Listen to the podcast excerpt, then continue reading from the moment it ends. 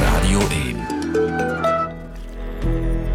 Dit is de podcast van het Radio 1-programma Weet ik Veel. Ik ben Kobe Ilse en ik heb Dirk Drouwlands te gast. Want het gaat over intelligentie bij dieren. Als jouw hond of jouw kat je aankijkt, wat denkt hij dan precies?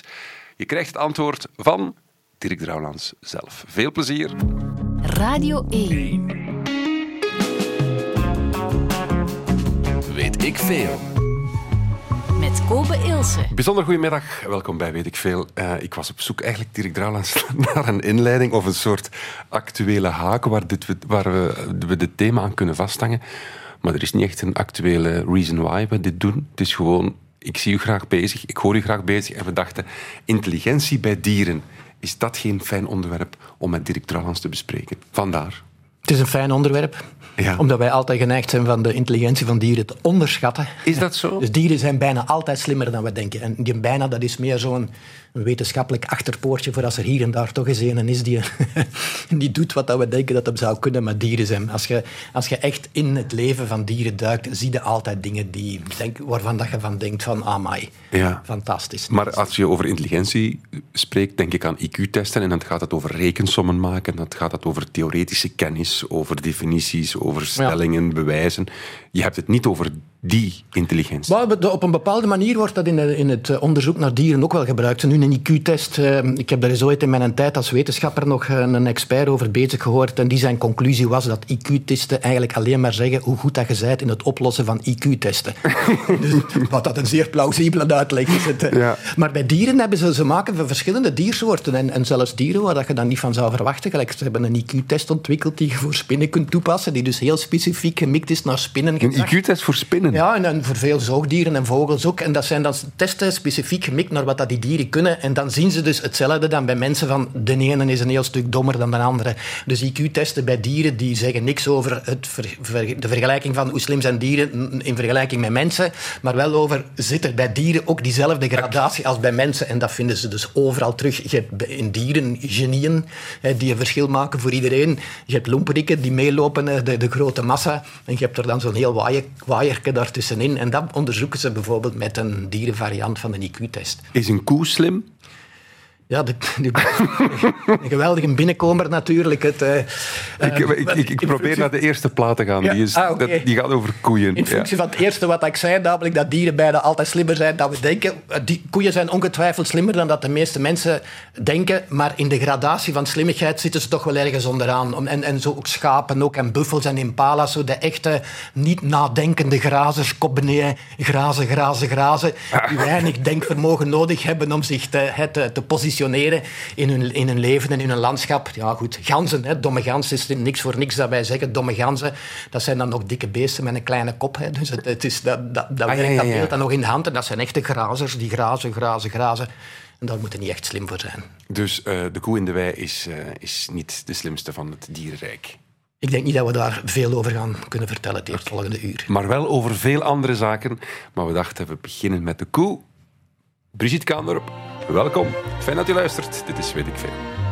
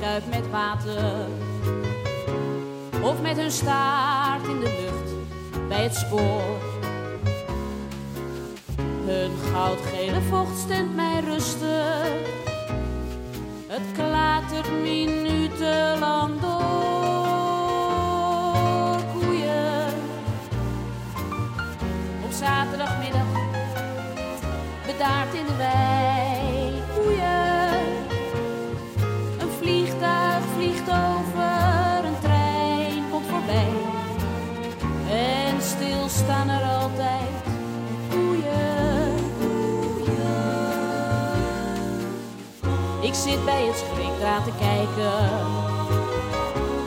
Een pak melk in mijn boodschappentas.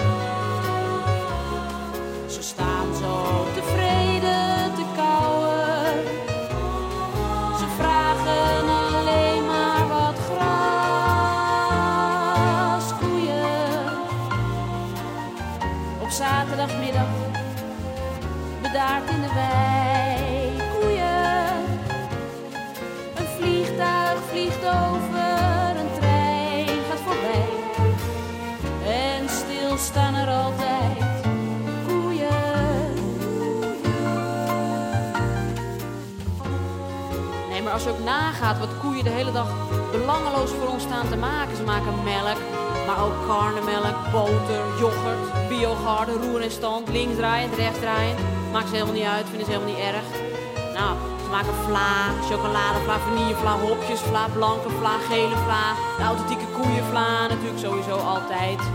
Maar ook room, zure room, slagroom, crème fraîche, halva melk, koffieroom, dat soort dingen. Maar ook hele ingewikkelde dingen, zoals bijvoorbeeld yogo yogo, shock, fristie. En dan ook nog eens een keer biest, hang op Jan in de zak, dat soort ouderwetse dingen. En dat allemaal helemaal belangeloos, zonder er ooit iets voor terug te vragen. Dat vind ik eigenlijk altijd zo ontroerend aan koeien. Als alle hoop is verdwenen en het stort in mijn wankel bestaan. En ik zit in dan weet ik dat zij er nog staan. Koeien op zaterdagmiddag, bedaard in de wei. Koeien, een vliegtuig vliegt over, een trein gaat voorbij. En stil staan er altijd koeien in die makkelijke Weet ik veel over intelligentie bij dieren met Dirk Drouwlands vandaag. Radio 1. Weet ik veel? Dirk Drouwlands, eh, bioloog en eh, journalist bij KNAK ook. Ehm, we hebben al geleerd van jou dat we het onderschatten, de intelligentie bij dieren.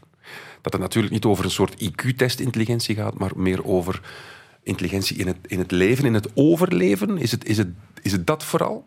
Uiteraard. Ik bedoel, eh, in de evolutie draait alles rond het... eh, Survival of the fittest? Voilà, de, de best aangepaste. Hè. Dus, dus, en, en als de omgeving verandert, moet je mee in die veranderingen. En, en, eh, maar daar zitten heel veel individuele verschillen op. En die individuele verschillen zijn natuurlijk de, de, de, de motor van de evolutie. Dus dieren die zich beter eh, inpassen in een bepaald leefmilieu gaan gemakkelijker overleven. En dus heb je dus eigenlijk een hele sterke incentive om heel eh, ver- zo verfijnd mogelijk om te gaan met de veranderingen in de Ja, ja. leefomgeving. En zo hard mogelijk in te spelen op wat dat er eh, gebeurt. Ehm, wat zijn slimme dieren dat we weten? Dat we onderzocht hebben en dat we echt wetenschappelijk kunnen bewijzen dat daar echt intelligentie is? Ja, dus er zijn een aantal diersoorten waarvan dat je toch van kunt denken van dat komt toch stilletjes aan in onze buurt. En, In en- onze buurt. ja, ja, maar ja, de buurt van, van de kleuter dan bijvoorbeeld. Hè. De mensenkleuter. Het, eh, er zijn eh, van de chimpansees en de mensapen is het klassieke, klassieke verhaal daarvan. Het, eh, die die ja, dus, dus slimme dingen kunnen doen. En als die in een mensencontext meekomen, worden die nog slimmer. Dus die hebben capaciteiten die ze eigenlijk in, in, in het wild, in, in het veld, Ah, nog ja. niet ontwikkeld hebben, omdat ze daar nog nooit een stimulans voor gekregen hebben Geef eens een voorbeeld dan. de, de, de, het gebruik van, eh, van tekens om te communiceren met mensen. Hè. Dus, dus, eh, dus gebarentaal. En, eh, je kunt chimpansees en gorillas kun je dus echt leren communiceren met mensen via onder meer gebarentaal. Och. Daar hebben ze in het wild een heel, heel rudimentaire versie van. Ze communiceren met elkaar, maar op een heel andere manier en die veel minder gesofisticeerd is. Dus de capaciteit om verder te gaan dan wat erin zit, is aanwezig. Maar die gebarentaal, als je dat aanleert,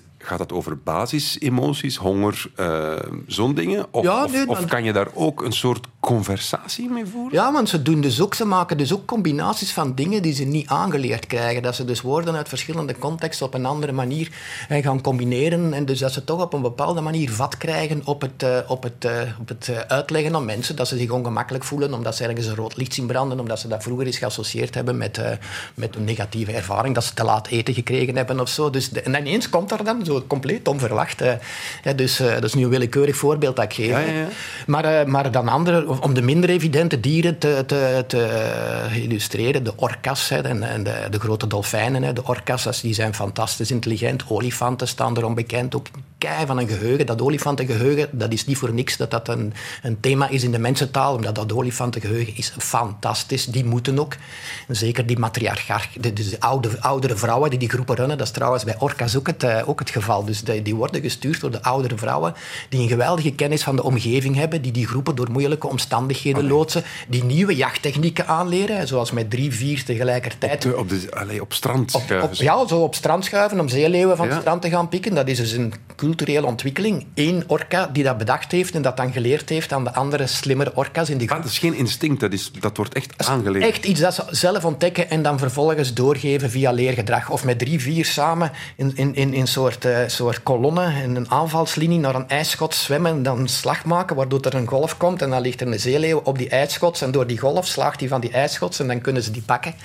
En, er is zelfs een, en dat zijn dus dat, meestal de oudere vrouwen die dat soort eh, in het orca-systeem, die dat soort uh, dingen aanleren. En, en hoe gaat dat dan, dat aanleren? Is dat, is, want we kennen de geluiden dat die, die dolfijnachtigen maken. Is, is dat dan, wordt dat er op die manier gecommuniceerd? Demonstreren, ah, demonstreren. demonstreren en sturen. Dus via de communicatie. Dus, dus, dus als ze zo met drieën tegelijkertijd naar zo'n ijsschots moeten gaan, blijkbaar. Ze nemen een aanloop. Ze weten van ongeveer van vanaf wanneer dat ze moeten vertrekken, vanaf waar dat ze moeten vertrekken om de juiste golfkracht te hebben. En dat wordt dus gestuurd. Er is zelfs een theorie die zegt, dat, dat is, en dat vind ik dan zo'n fantastische verhalen Orcas zijn samen met de griente, dat is een tweede grootste dolfijnensoort, en de mens de enige bekende soort met een menopauze, waarin dat de, dus de, de voortplantingscapaciteit van de vrouwen stilvalt met het ouder worden.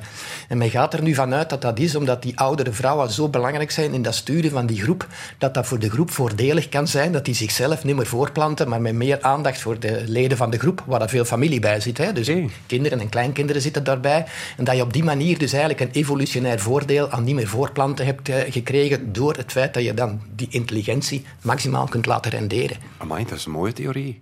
Ja, het is een prachtig verhaal. Ja. Zoek in de mensenwereld koppelt men ook... Er is een oma-hypothese gemaakt die zegt dat de menopauze bij de mens mee aanleiding gegeven heeft tot het verhogen van de waarde van ouder worden in de mensheid, omdat je dan meer aandacht kunt hebben voor wat er in de omgeving gebeurt, losgekoppeld van je eigen kinderen die je moet grootbrengen. En een man blijft vruchtbaar tot zijn dood, dus dat zegt... Oma-hypothese bestaat niet. dat wij zo oud zijn kunnen worden, dat is aan onze, onze oma's te denken. Schitterend. Um, die olifant, zei je daarnet. Klopt dat echt?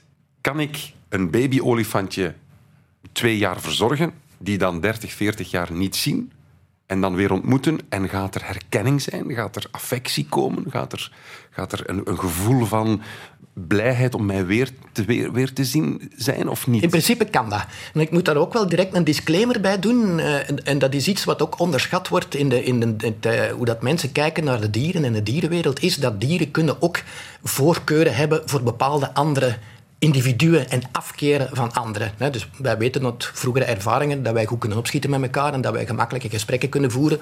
Bij andere mensen gaat dat minder gemakkelijk.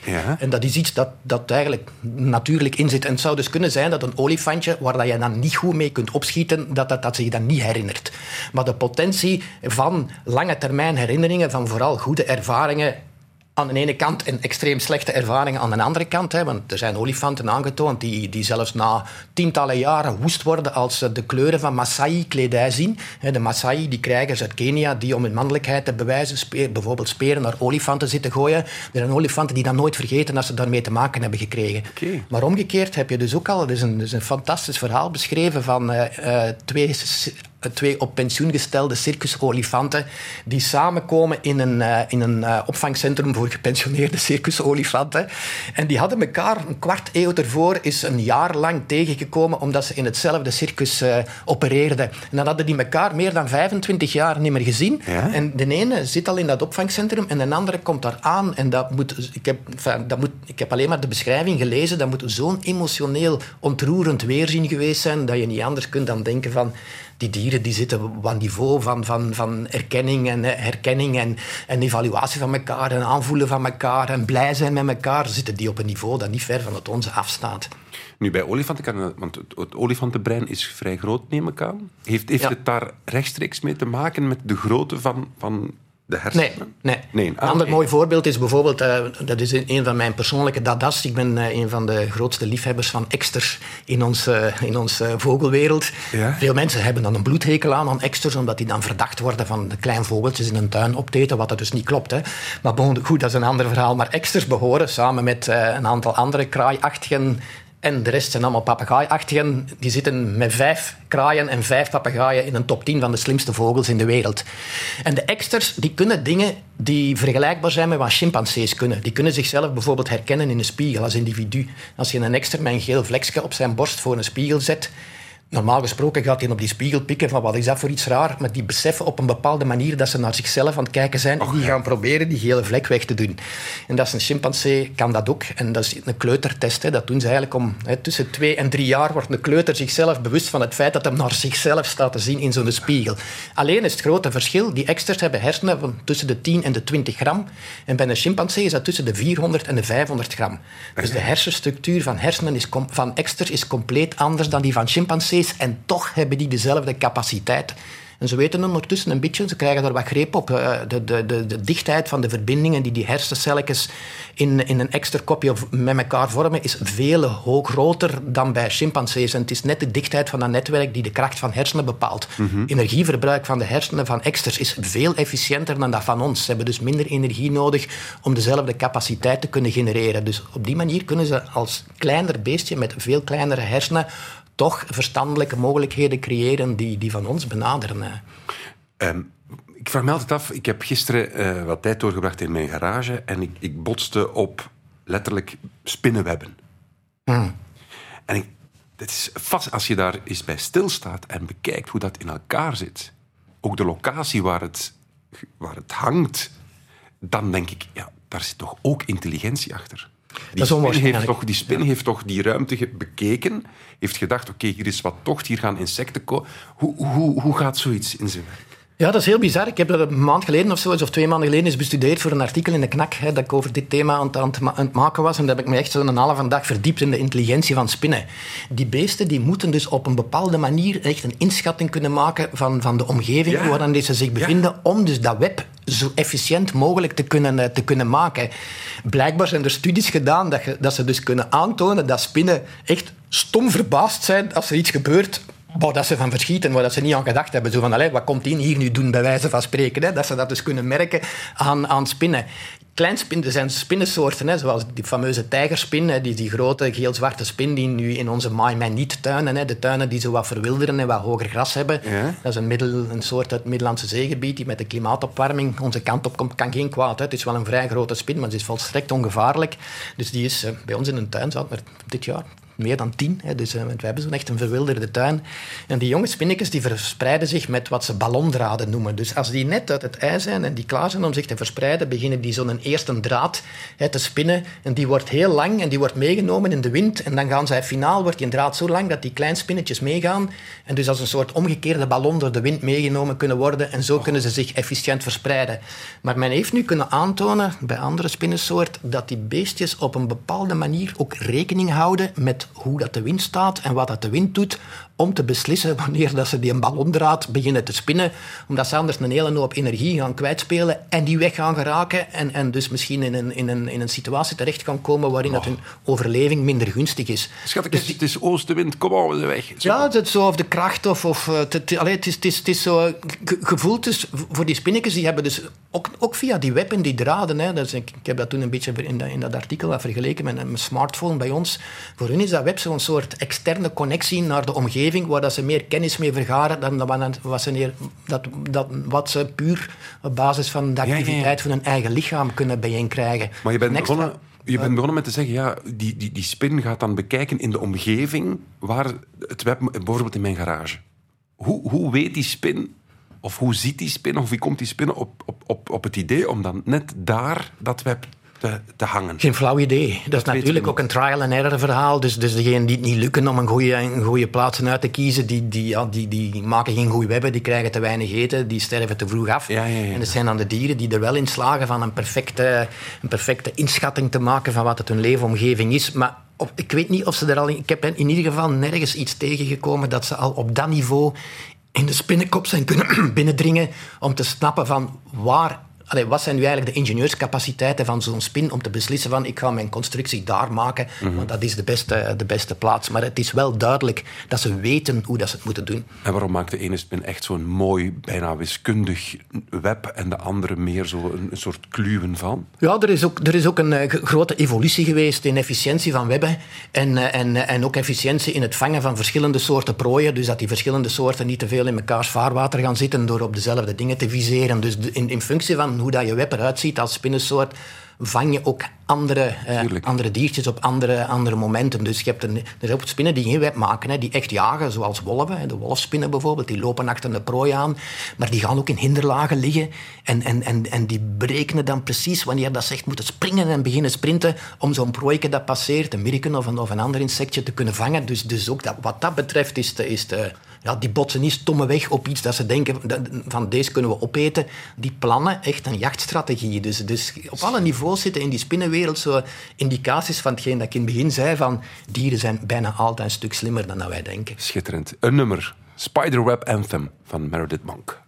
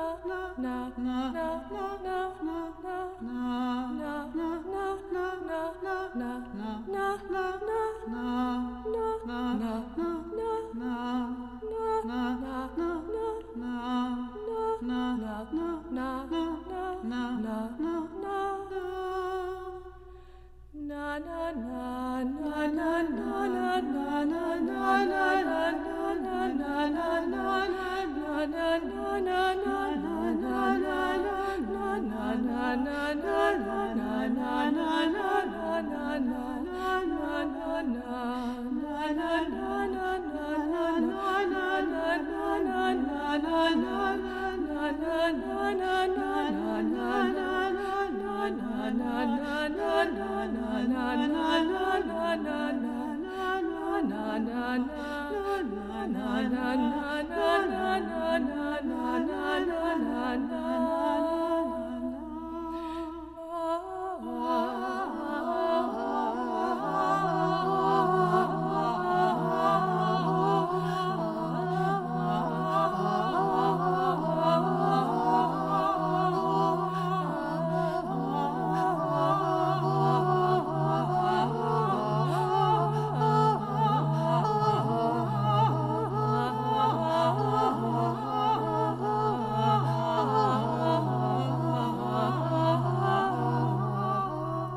Spiderweb Anthem. Speciaal. Meredith Monk. In Weet ik Veel vandaag met Dirk Drouwlands, bioloog en eh, journalist bij KNAK, over intelligentie bij dieren. Het ging net over de spinnen en het web. En Annelien Klaas stuurt een, eh, een vraag binnen. Dank u wel daarvoor. We hebben een vraag over de regenworm. Ons terras ligt altijd vol met regenwormen die uit het gras komen als het regent. Je zou denken dat de andere regenwormen zien dat er veel regenwormen liggen, maar ze blijven collectief zelfmoord plegen. ah, dat is eigenlijk niet om te lachen. Dirk Drouwlands, hoe komt dit? Ja, die kunnen verdrinken hè, als die hun gangen onder, in de grond onder water lopen. Eh, dikwijls hebben regenwormen, als het koud en na- of nat wordt, de neiging van dieper te gaan. Hè, dus om, om te ontsnappen aan, aan de risico's van in, in de, de natte omgeving te zitten. Maar als dat om een of de andere reden niet kan, hè, dan is de enige vluchtroute naar boven. Ah ja. En, eh, en, eh, en dat is dan een fameuze escape eh, om ja, dus nattig, natte, ze kunnen vochtigheid aan, maar ze kunnen, ze kunnen verdrinken. Dus ze moeten wat oppassen wat dat ze doen. Maar, Kunnen we, ehm, over bij, kunnen we bij een regenworm, nu dat de vraag binnenkomt, spreken over intelligentie? Kunnen we daar iets, weten we daar iets over? Daar weten we niet veel over, het, eh, over hoe slim dat die zijn. Ik ga ervan uit dat die ook weer slimmer zullen zijn dan wij geneigd zijn van te denken. Maar wat dat wel al aangetoond is, is en dat is bij een heel schare dieren aangetoond, vanaf de mens tot, tot de pissebed en, en, en de garnaal, eh, bij wijze van spreken. En ook de regenworm, is dat die ook persoonlijkheid kunnen hebben. Persoonlijkheden, verschillende persoonlijkheden. Je hebt dus in, in, in de regenwormwereld ook uh, wat dat wij durvers versus voorzichtigen zouden noemen. Allee. En, en durvers, dat zijn zo wat de verkenners die zo wat meer doen dan de anderen en die zo instrumenteel kunnen zijn in het koloniseren van een nieuwe, nieuw stukje biotoop in, in, in hun leefomgeving. En de voorzichtigen, dat zijn dan degenen die zo altijd defensief gaan gaan en zeggen, maar we blijven steken in de routine. Zijn prachtige proeven gedaan, bijvoorbeeld met stengelslank-miertjes, kleine miertjes van bij ons, die een nestje met 25 eh, beestjes maken in afgevallen eikels. En er zijn er altijd een paar bij die zo altijd zitten zoeken of dat ze niet toch een betere eikel kunnen vinden. Ja. En dan moeten die, de voorzichtigen, die vinden dat het goed is waar dat ze zitten, proberen te overtuigen van mee te gaan. En als ze genoeg kandidaten vinden die ze overtuigd hebben, dan verhuist heel de, heel de, heel de zwik. En dan denkt hij van nu is het gedaan, maar na een paar dagen beginnen die durvers dan ook weer ongedurig te worden. En dan denken die van misschien is er ergens anders nog een betere villa. En dan willen zij, dus dat is zo'n proces. En bij regenwormen is dat ook zo, dus durvers en voorzichtig. En men heeft zo wat nagegaan dat in de ideale uh, samenwerkende populatie, of, of in de ideale populatie toekoer, dat je ongeveer 15% durvers hebt en 85% voorzichtigen. Want als je te veel durvers hebt, dan worden er te veel risico's genomen. En dan zou je soort durven uit... En dan ja. zou je dus voor populatie dus durven uh, in de, in de dieperik storten. En als je te veel voorzichtigen hebt, ja, dan laten mogelijkheden onbenut. Dus dat is ah. een hele mooie balans zijn die blijkbaar ook in die regenwormen uh, aanwezig is omdat omdat het nu in, in dat bericht van Anneleen stond, ze blijven collectief zelfmoord plegen. Ik, ik, ik zie ook direct het beeld van die... Van soms zie je dat die, die walvissen die zo massaal aanspoelen is, is, is dat een, is dat, zijn dat wanopsdaden? Kunnen we, weten we dat? Is, is, is daar ooit onderzoek naar Nee, verder is heel veel, er wordt heel veel onderzoek naar gedaan. Daar wordt heel veel over gespeculeerd. Hè. De griend is daar dan een bekendste van. Hè. Dus de tweede grootste uh, dolfijn. En er zijn een hele hoop theorieën die daarin spelen. Dat die, uh, dat die dus parasieten in hun hoofd hebben, waardoor ze gedesoriënteerd geraken. Dat, ah, die, dat die in de war geraken met te veel onderwatergeluiden die wij maken. Hè. Zo seismische golven om te peilen naar olie, oliebronnen in, in mm -hmm. de zeebodem en, en onderzee zeeboten en, en, en, dat geruid van die stampende motoren van, van schepen. Eh. Maar het mooie is ook dat ze dus uh, op een bepaalde manier misschien uh, een soort zorg voor zieke en kwetsbare individuen hebben en, en dat die dan wat in onder dieper water terechtkomen en dat een troep dan eigenlijk te ver volgt en, en dus eigenlijk, eigenlijk in problemen komt doordat ze wat te veel aandacht hebben voor de, voor de kwetsbare dieren in hun groep. Dat is een heel, ah, heel sociaal systeem. Er is, er, is, er is heel veel speculatie over. Het, het enige punt is wel dat dat, dat is altijd heel spectaculair om te zien, maar het bedreigt gelukkig de voortbestaan van de soort die, want dat is, uh, die grien dat is een soort die bijna cosmopoliet is, dus over heel de wereld voorkomt, dus die kan wel tegen een stootje. Ah, ja. Maar het is natuurlijk dramatisch van zo honderden van die spectaculaire dieren tegelijkertijd op zo'n strand zien zien aan te spoelen. Maar er is, er is geen bewust, dat is geen bewuste actie, zeg je. Dat, dat is Waarschijnlijk, hè, want we moeten altijd met twee woorden, waarschijnlijk is dat een, een, een accident. Een accident. Ja, ik, zou mij, ik zou bij God puur evolutionair geen enkel scenario kunnen indenken waarin dat, dat voordelig zou kunnen zijn. Zo als groep zelfmoord plegen. Nu erover. De mensen is dat ook zeldzaam. Hè. Dat is in, in, in zo van die ideologische sectetoestanden gebeurt dat wel eens af en toe. Maar het, uh... Ja, ja. Nu, laten we even hierop verder gaan. Depressie bij dieren, neerslachtigheid, melancholie bij dieren? Kunnen we dat eh, is dat bestudeerd? Kunnen we dat aantonen? Ik heb eens een fretje gehad, onze sprokkel. Mijn, mijn, mijn, mijn, mijn, leukste huisdiertje dat ik ooit heb, ooit heb gehad. En als ik eens op reis was geweest, het, eh, dan, ja, dan moest de sprokkel uh, achterblijven bij, bij mijn vriendin of bij mijn moeder of zoiets. En dat was heel triestig omdat dan niet dezelfde... dezelfde ik, bij mij thuis liep die rond. Hè, en die kwam dan, eh, als ik aan het schrijven was, die kroop tegen mijn benen omhoog. En die kroop in mijn hemd of in mijn pyjama. En die lag dan op mijn buik te slapen. En, en dus als die dan dus op bezoek moest bij anderen, hè, dus die voor hem moesten zorgen, dan was hij, was hij depressief. en dan was hij zichtbaar blij als ik terug was. En ik denk dat veel mensen met huisdieren dat gevoel wel zullen hebben. Dat dieren dus echt... Eh, echt eh, vooral honden, katten zijn er denk ik iets minder gevoelig voor. Honden zijn natuurlijk ook socialere dieren dan, dan, dan katten, maar dat ja, honden echt, echt neerslachtig kunnen zijn. Maar kan je dat dan aantonen met, met hormonenbalansen of met, met een tekort aan, aan, aan eh, gelukshormonen, dat die dieren echt triestig, dat die neerslachtig zijn? Dat weet ik niet. Of, of is dat een heel... Dat is, dat is vrij complex, denk ik. Ja, ja nou, uiteraard. Ja, Maar, dus, maar, maar ik, die reageren ook heel... heel uh snel op, op, eh, op, eh, op, op dingen die veranderen in de omgeving. Ik was gisteren toevallig op bezoek bij, bij een goede vriendin eh, van mij. Die hadden net een nieuwe jonge hond. En, uh, en fantastisch beestje. En die, maar ze moeten die dus nog leren van in een, bijvoorbeeld s'nachts in een bench te slapen. En dat gaat nog niet.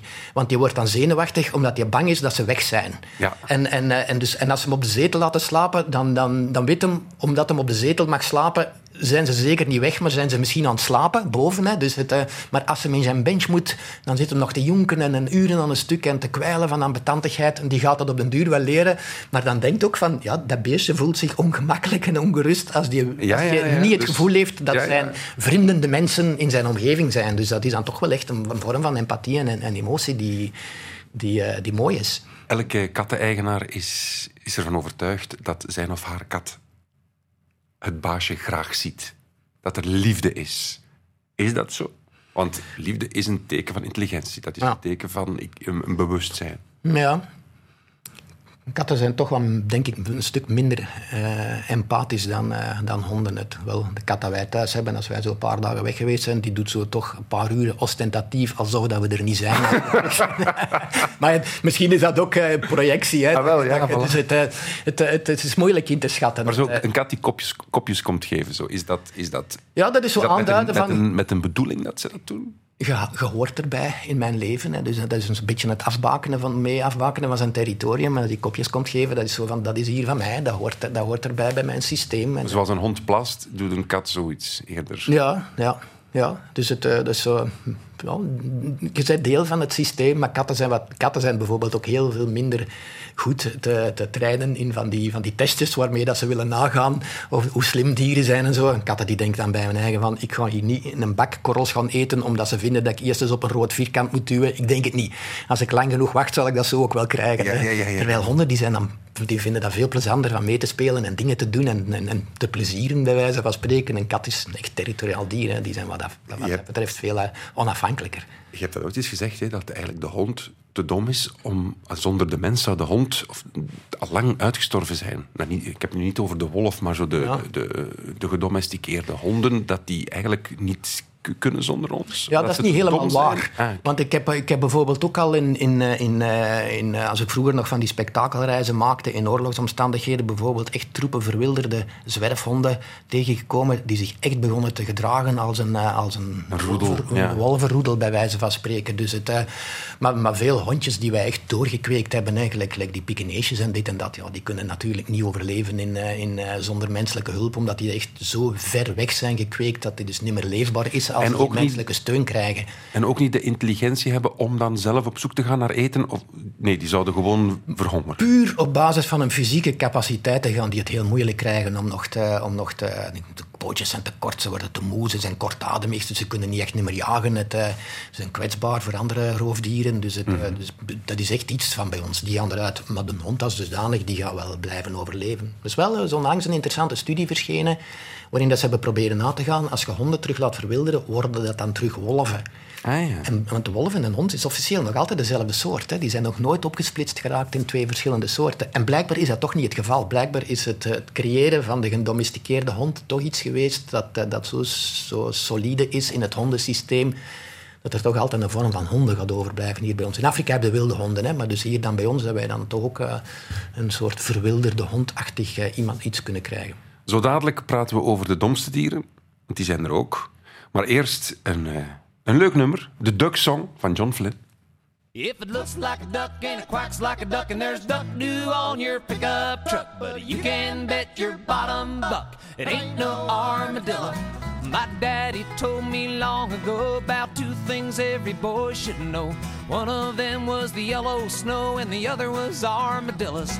If it looks like a duck and it quacks like a duck and there's duck dew on your pickup truck, but you can bet your bottom buck it ain't no armadillo.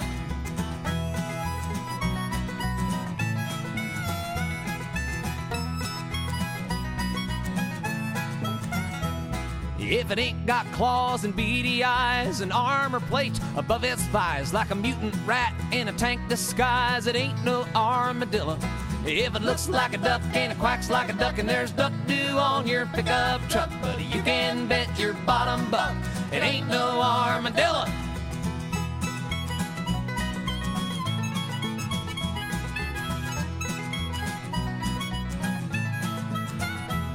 Said, use your ears, boy, use your eyes. No need to overanalyze. If it walks on two legs, swims and flies, it ain't no armadillo.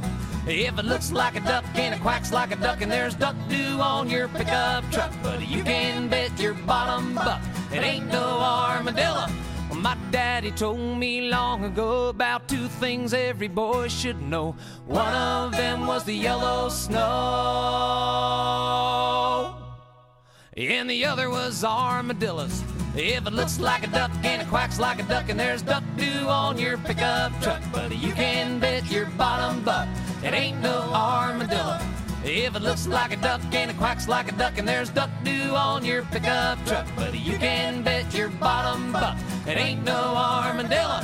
If it looks like a duck and it quacks like a duck, and there's duck stuck to your pickup truck, buddy, you can bet your bottom buck it ain't no armadillo. Take it home if it looks like a duck and it quacks like a duck, and there's duck dew on your pickup truck, buddy, you can bet your bottom buck it ain't no armadillo. Two, three, four.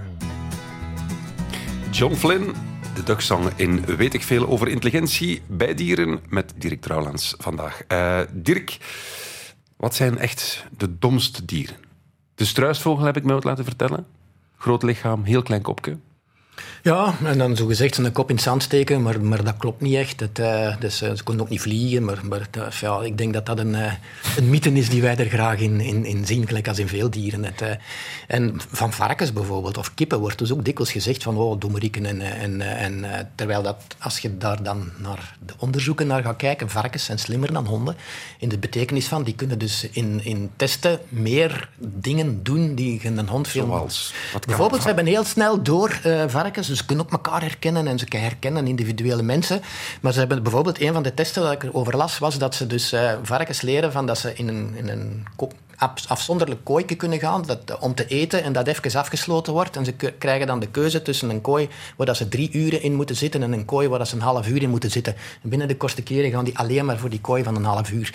Dus die hebben het op een bepaalde manier en ook al een vorm van, van heel snel tijdsbesef van, van als ik Ah, daar ja. in kruip, dan ben ik er heel snel terug. Iets wat dat je niet direct zou verwachten van, eh, van, van, van een dier als een varken, als je daar zo eh, afstandelijk naar kijkt. Als je die echt in de gaten houdt, maar ik doe dat soms wel eens, hè, van die, van die eh, varkens die nog los mogen lopen, eh, fantastisch. En, en dat zie je dus echt, dat die, eh, dat die heel, heel alleen, nou, nadenkend eigenlijk bezig zijn met wat er in de omgeving gebeurt. En bij kippen hebben ze bijvoorbeeld iets gedaan dat ze ook bijvoorbeeld bij inktvissen hebben, hebben vastgesteld. Ook heel slimme dieren trouwens, inktvissen. Hè. Dus, maar kippen die worden dan toch niet altijd als slim ervaren. Maar er is iets dat heet de marshmallow-test, dat ze in de, in de psychologie doen. Dat is als je aan een kleine, een kleuter, als je die een snoepje geeft, maar je zegt van, als hem daar twee uren afblijft, dan krijgt hij maar nadien twee of vier of Ah, ja, vijf. ja, ja. Dus, dus, hij- dus hoe kan een kind wachten, heeft dat wilskracht genoeg om te wachten tot... Want dan is de beloning... Dan is de beloning groter, Ja, ja, als ze dus wachten. Dat is dus die fameuze test.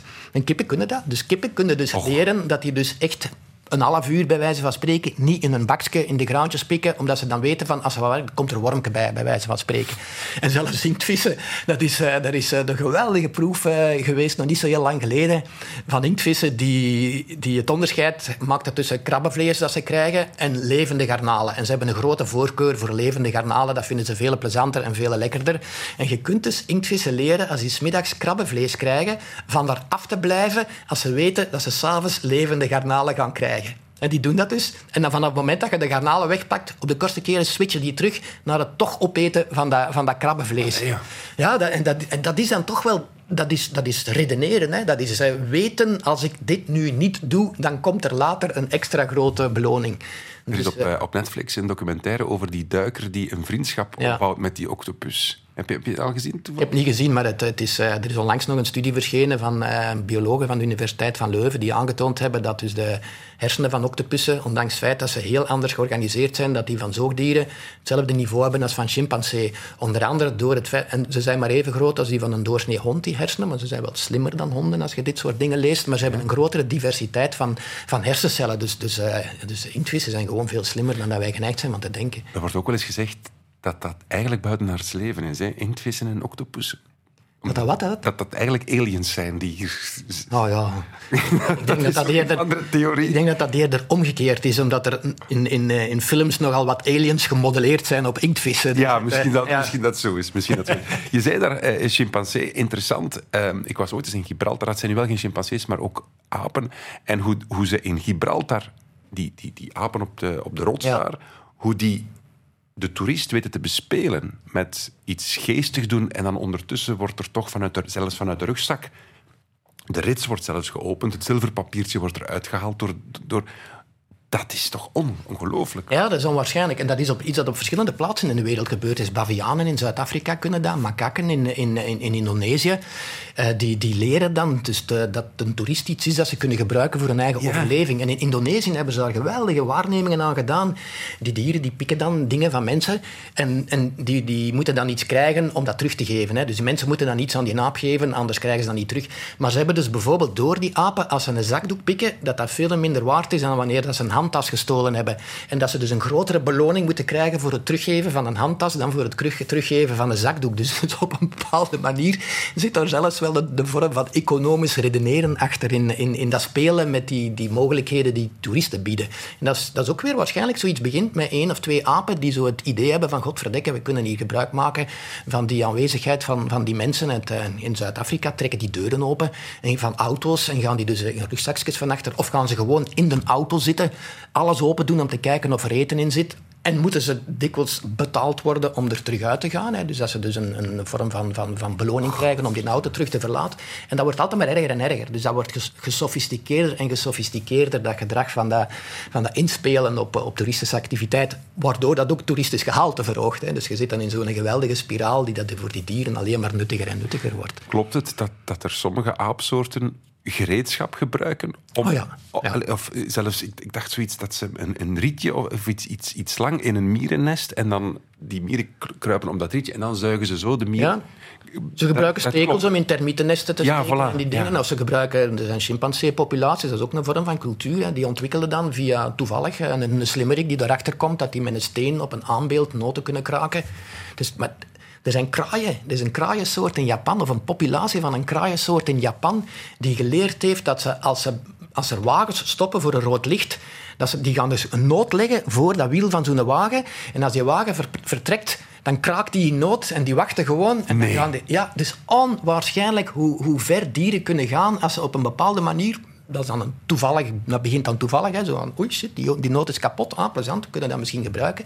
Dat dat uitgebouwd wordt. En dan, nu is dat zo'n heel populatie die dat zo al, die rood lichten in die Japanse stad noten voor de wielen van wagens gaat leggen om die dan open te rijden als de wagens vertrekken. Fantastisch, hè? En dat wil dus zeggen dat het ooit eens per toeval gebeurd is, dat die één of verschillende dieren hebben dat gezien Ja. en gaan dat dan kopiëren. Ja, dat is, dat is, Ja, dus het is echt een- over intelligentie. Ja, dus het is een slimmerik die dat uitbouwt tot iets dat nuttig is. En dan de anderen die dat zien en die dan verder, eh, verder leren. Het, eh, De alligator legt takjes op zijn snuit om vogels te lokken die aan hun nest aan het werken zijn. Dat is een heel speciaal gedrag dat is beschreven is voor een specifieke, specifieke situatie van een alligator. Hè. Dus kleine reigerachtigen die takjes van het wateroppervlak halen om een nestje te bouwen. Hè. Die broeden dan op de rand van de moerassen.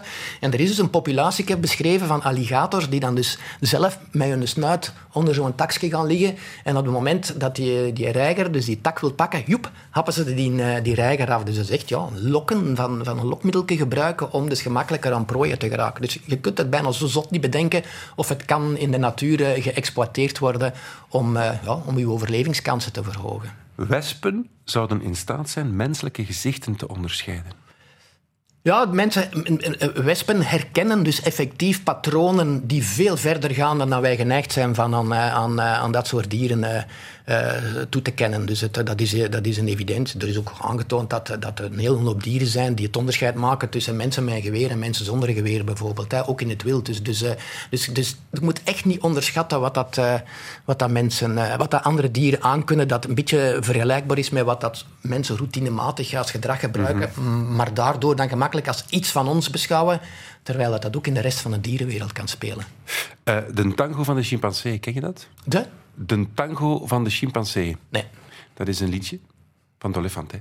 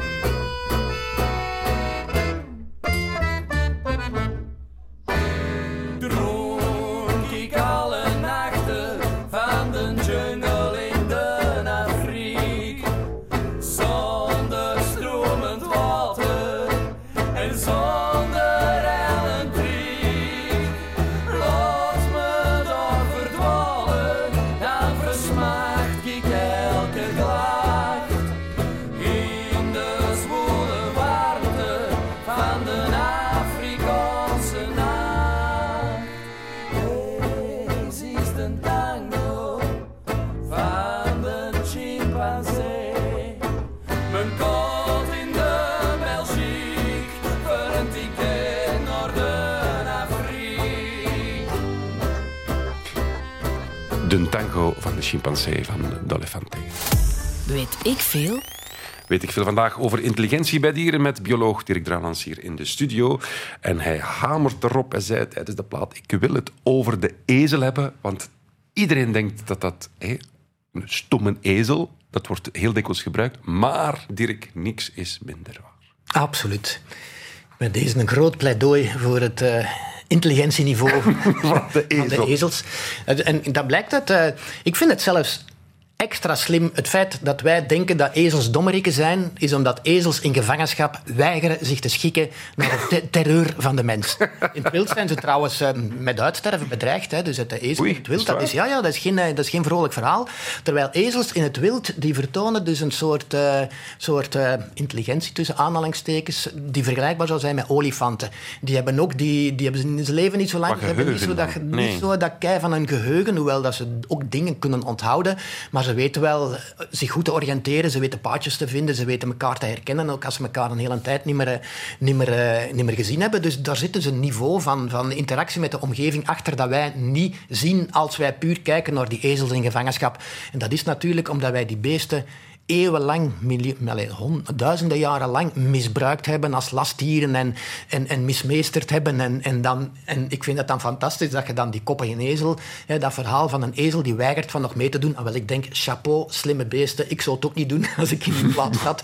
Dus ik zou dat verhaal dan omdraaien. Slimme ezel in de plaats van domme ezel, omdat ze weigeren van in onze wereld mee te gaan. En stoot zich geen twee keer aan dezelfde steen. Voilà. Is, dat is dan wel weer een teken van intelligentie. Dat is ja, en, en, en dat denk ik eh, zeer nauw aansluit bij wat dat men waarneemt van ezels in het, in het wild. Die, die zegt ook in dikwijls in heel moeilijke omstandigheden, gelijk woestijngebieden en zo, toch, in, eh, en, eh, toch aan, aan hun trekken blijven komen, omdat ze perfect weten in te spelen op die moeilijkheden die een leefomgeving eh, impliceert. Laten we afronden in schoonheid en een ode brengen aan het domste dier dat er dan bestaat. Wat zou jij het domste dier noemen op deze planeet? Wel, ik, ik, ik, ik, ik huiver om dieren dom te noemen, maar als ik er dan toch een moet noemen, als je dus echt naar, naar de De leefwijze... minst slimme. Ja, de leefwijze van, van, van sommige eh, bekende dieren kijkt, dan, dan denk ik toch dat de reuzenpanda het zonder onze actieve steun al lang niet meer zou uitgezongen hebben. Een beer die, die dan ineens is gaan bamboe eten en dan heel de dagen moet zitten vreten. Een, een heel moeilijk voortplantingssysteem heeft, eh, waar dat je een paar dagen elkaar kunt vinden, maar komt elkaar niet tegen. En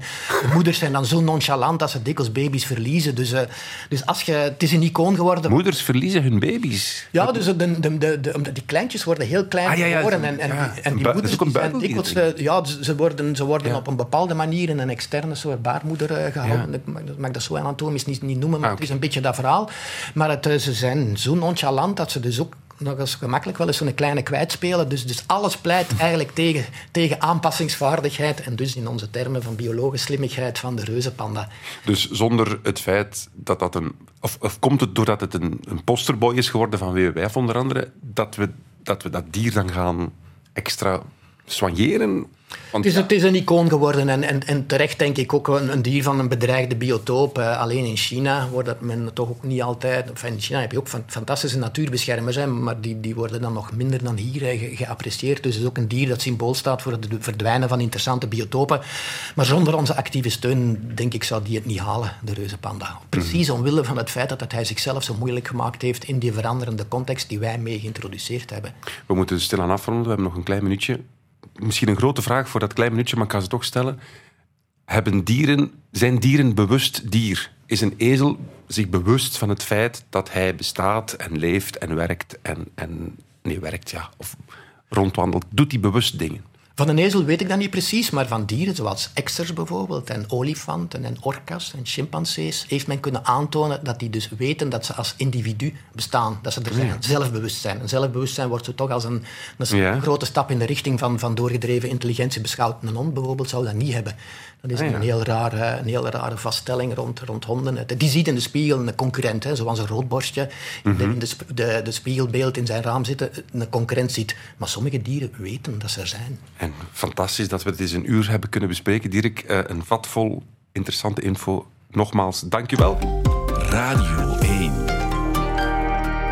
Weet ik veel? Dit is het einde van deze podcast van Weet ik Veel. Weet ik Veel is trouwens een programma van Radio 1.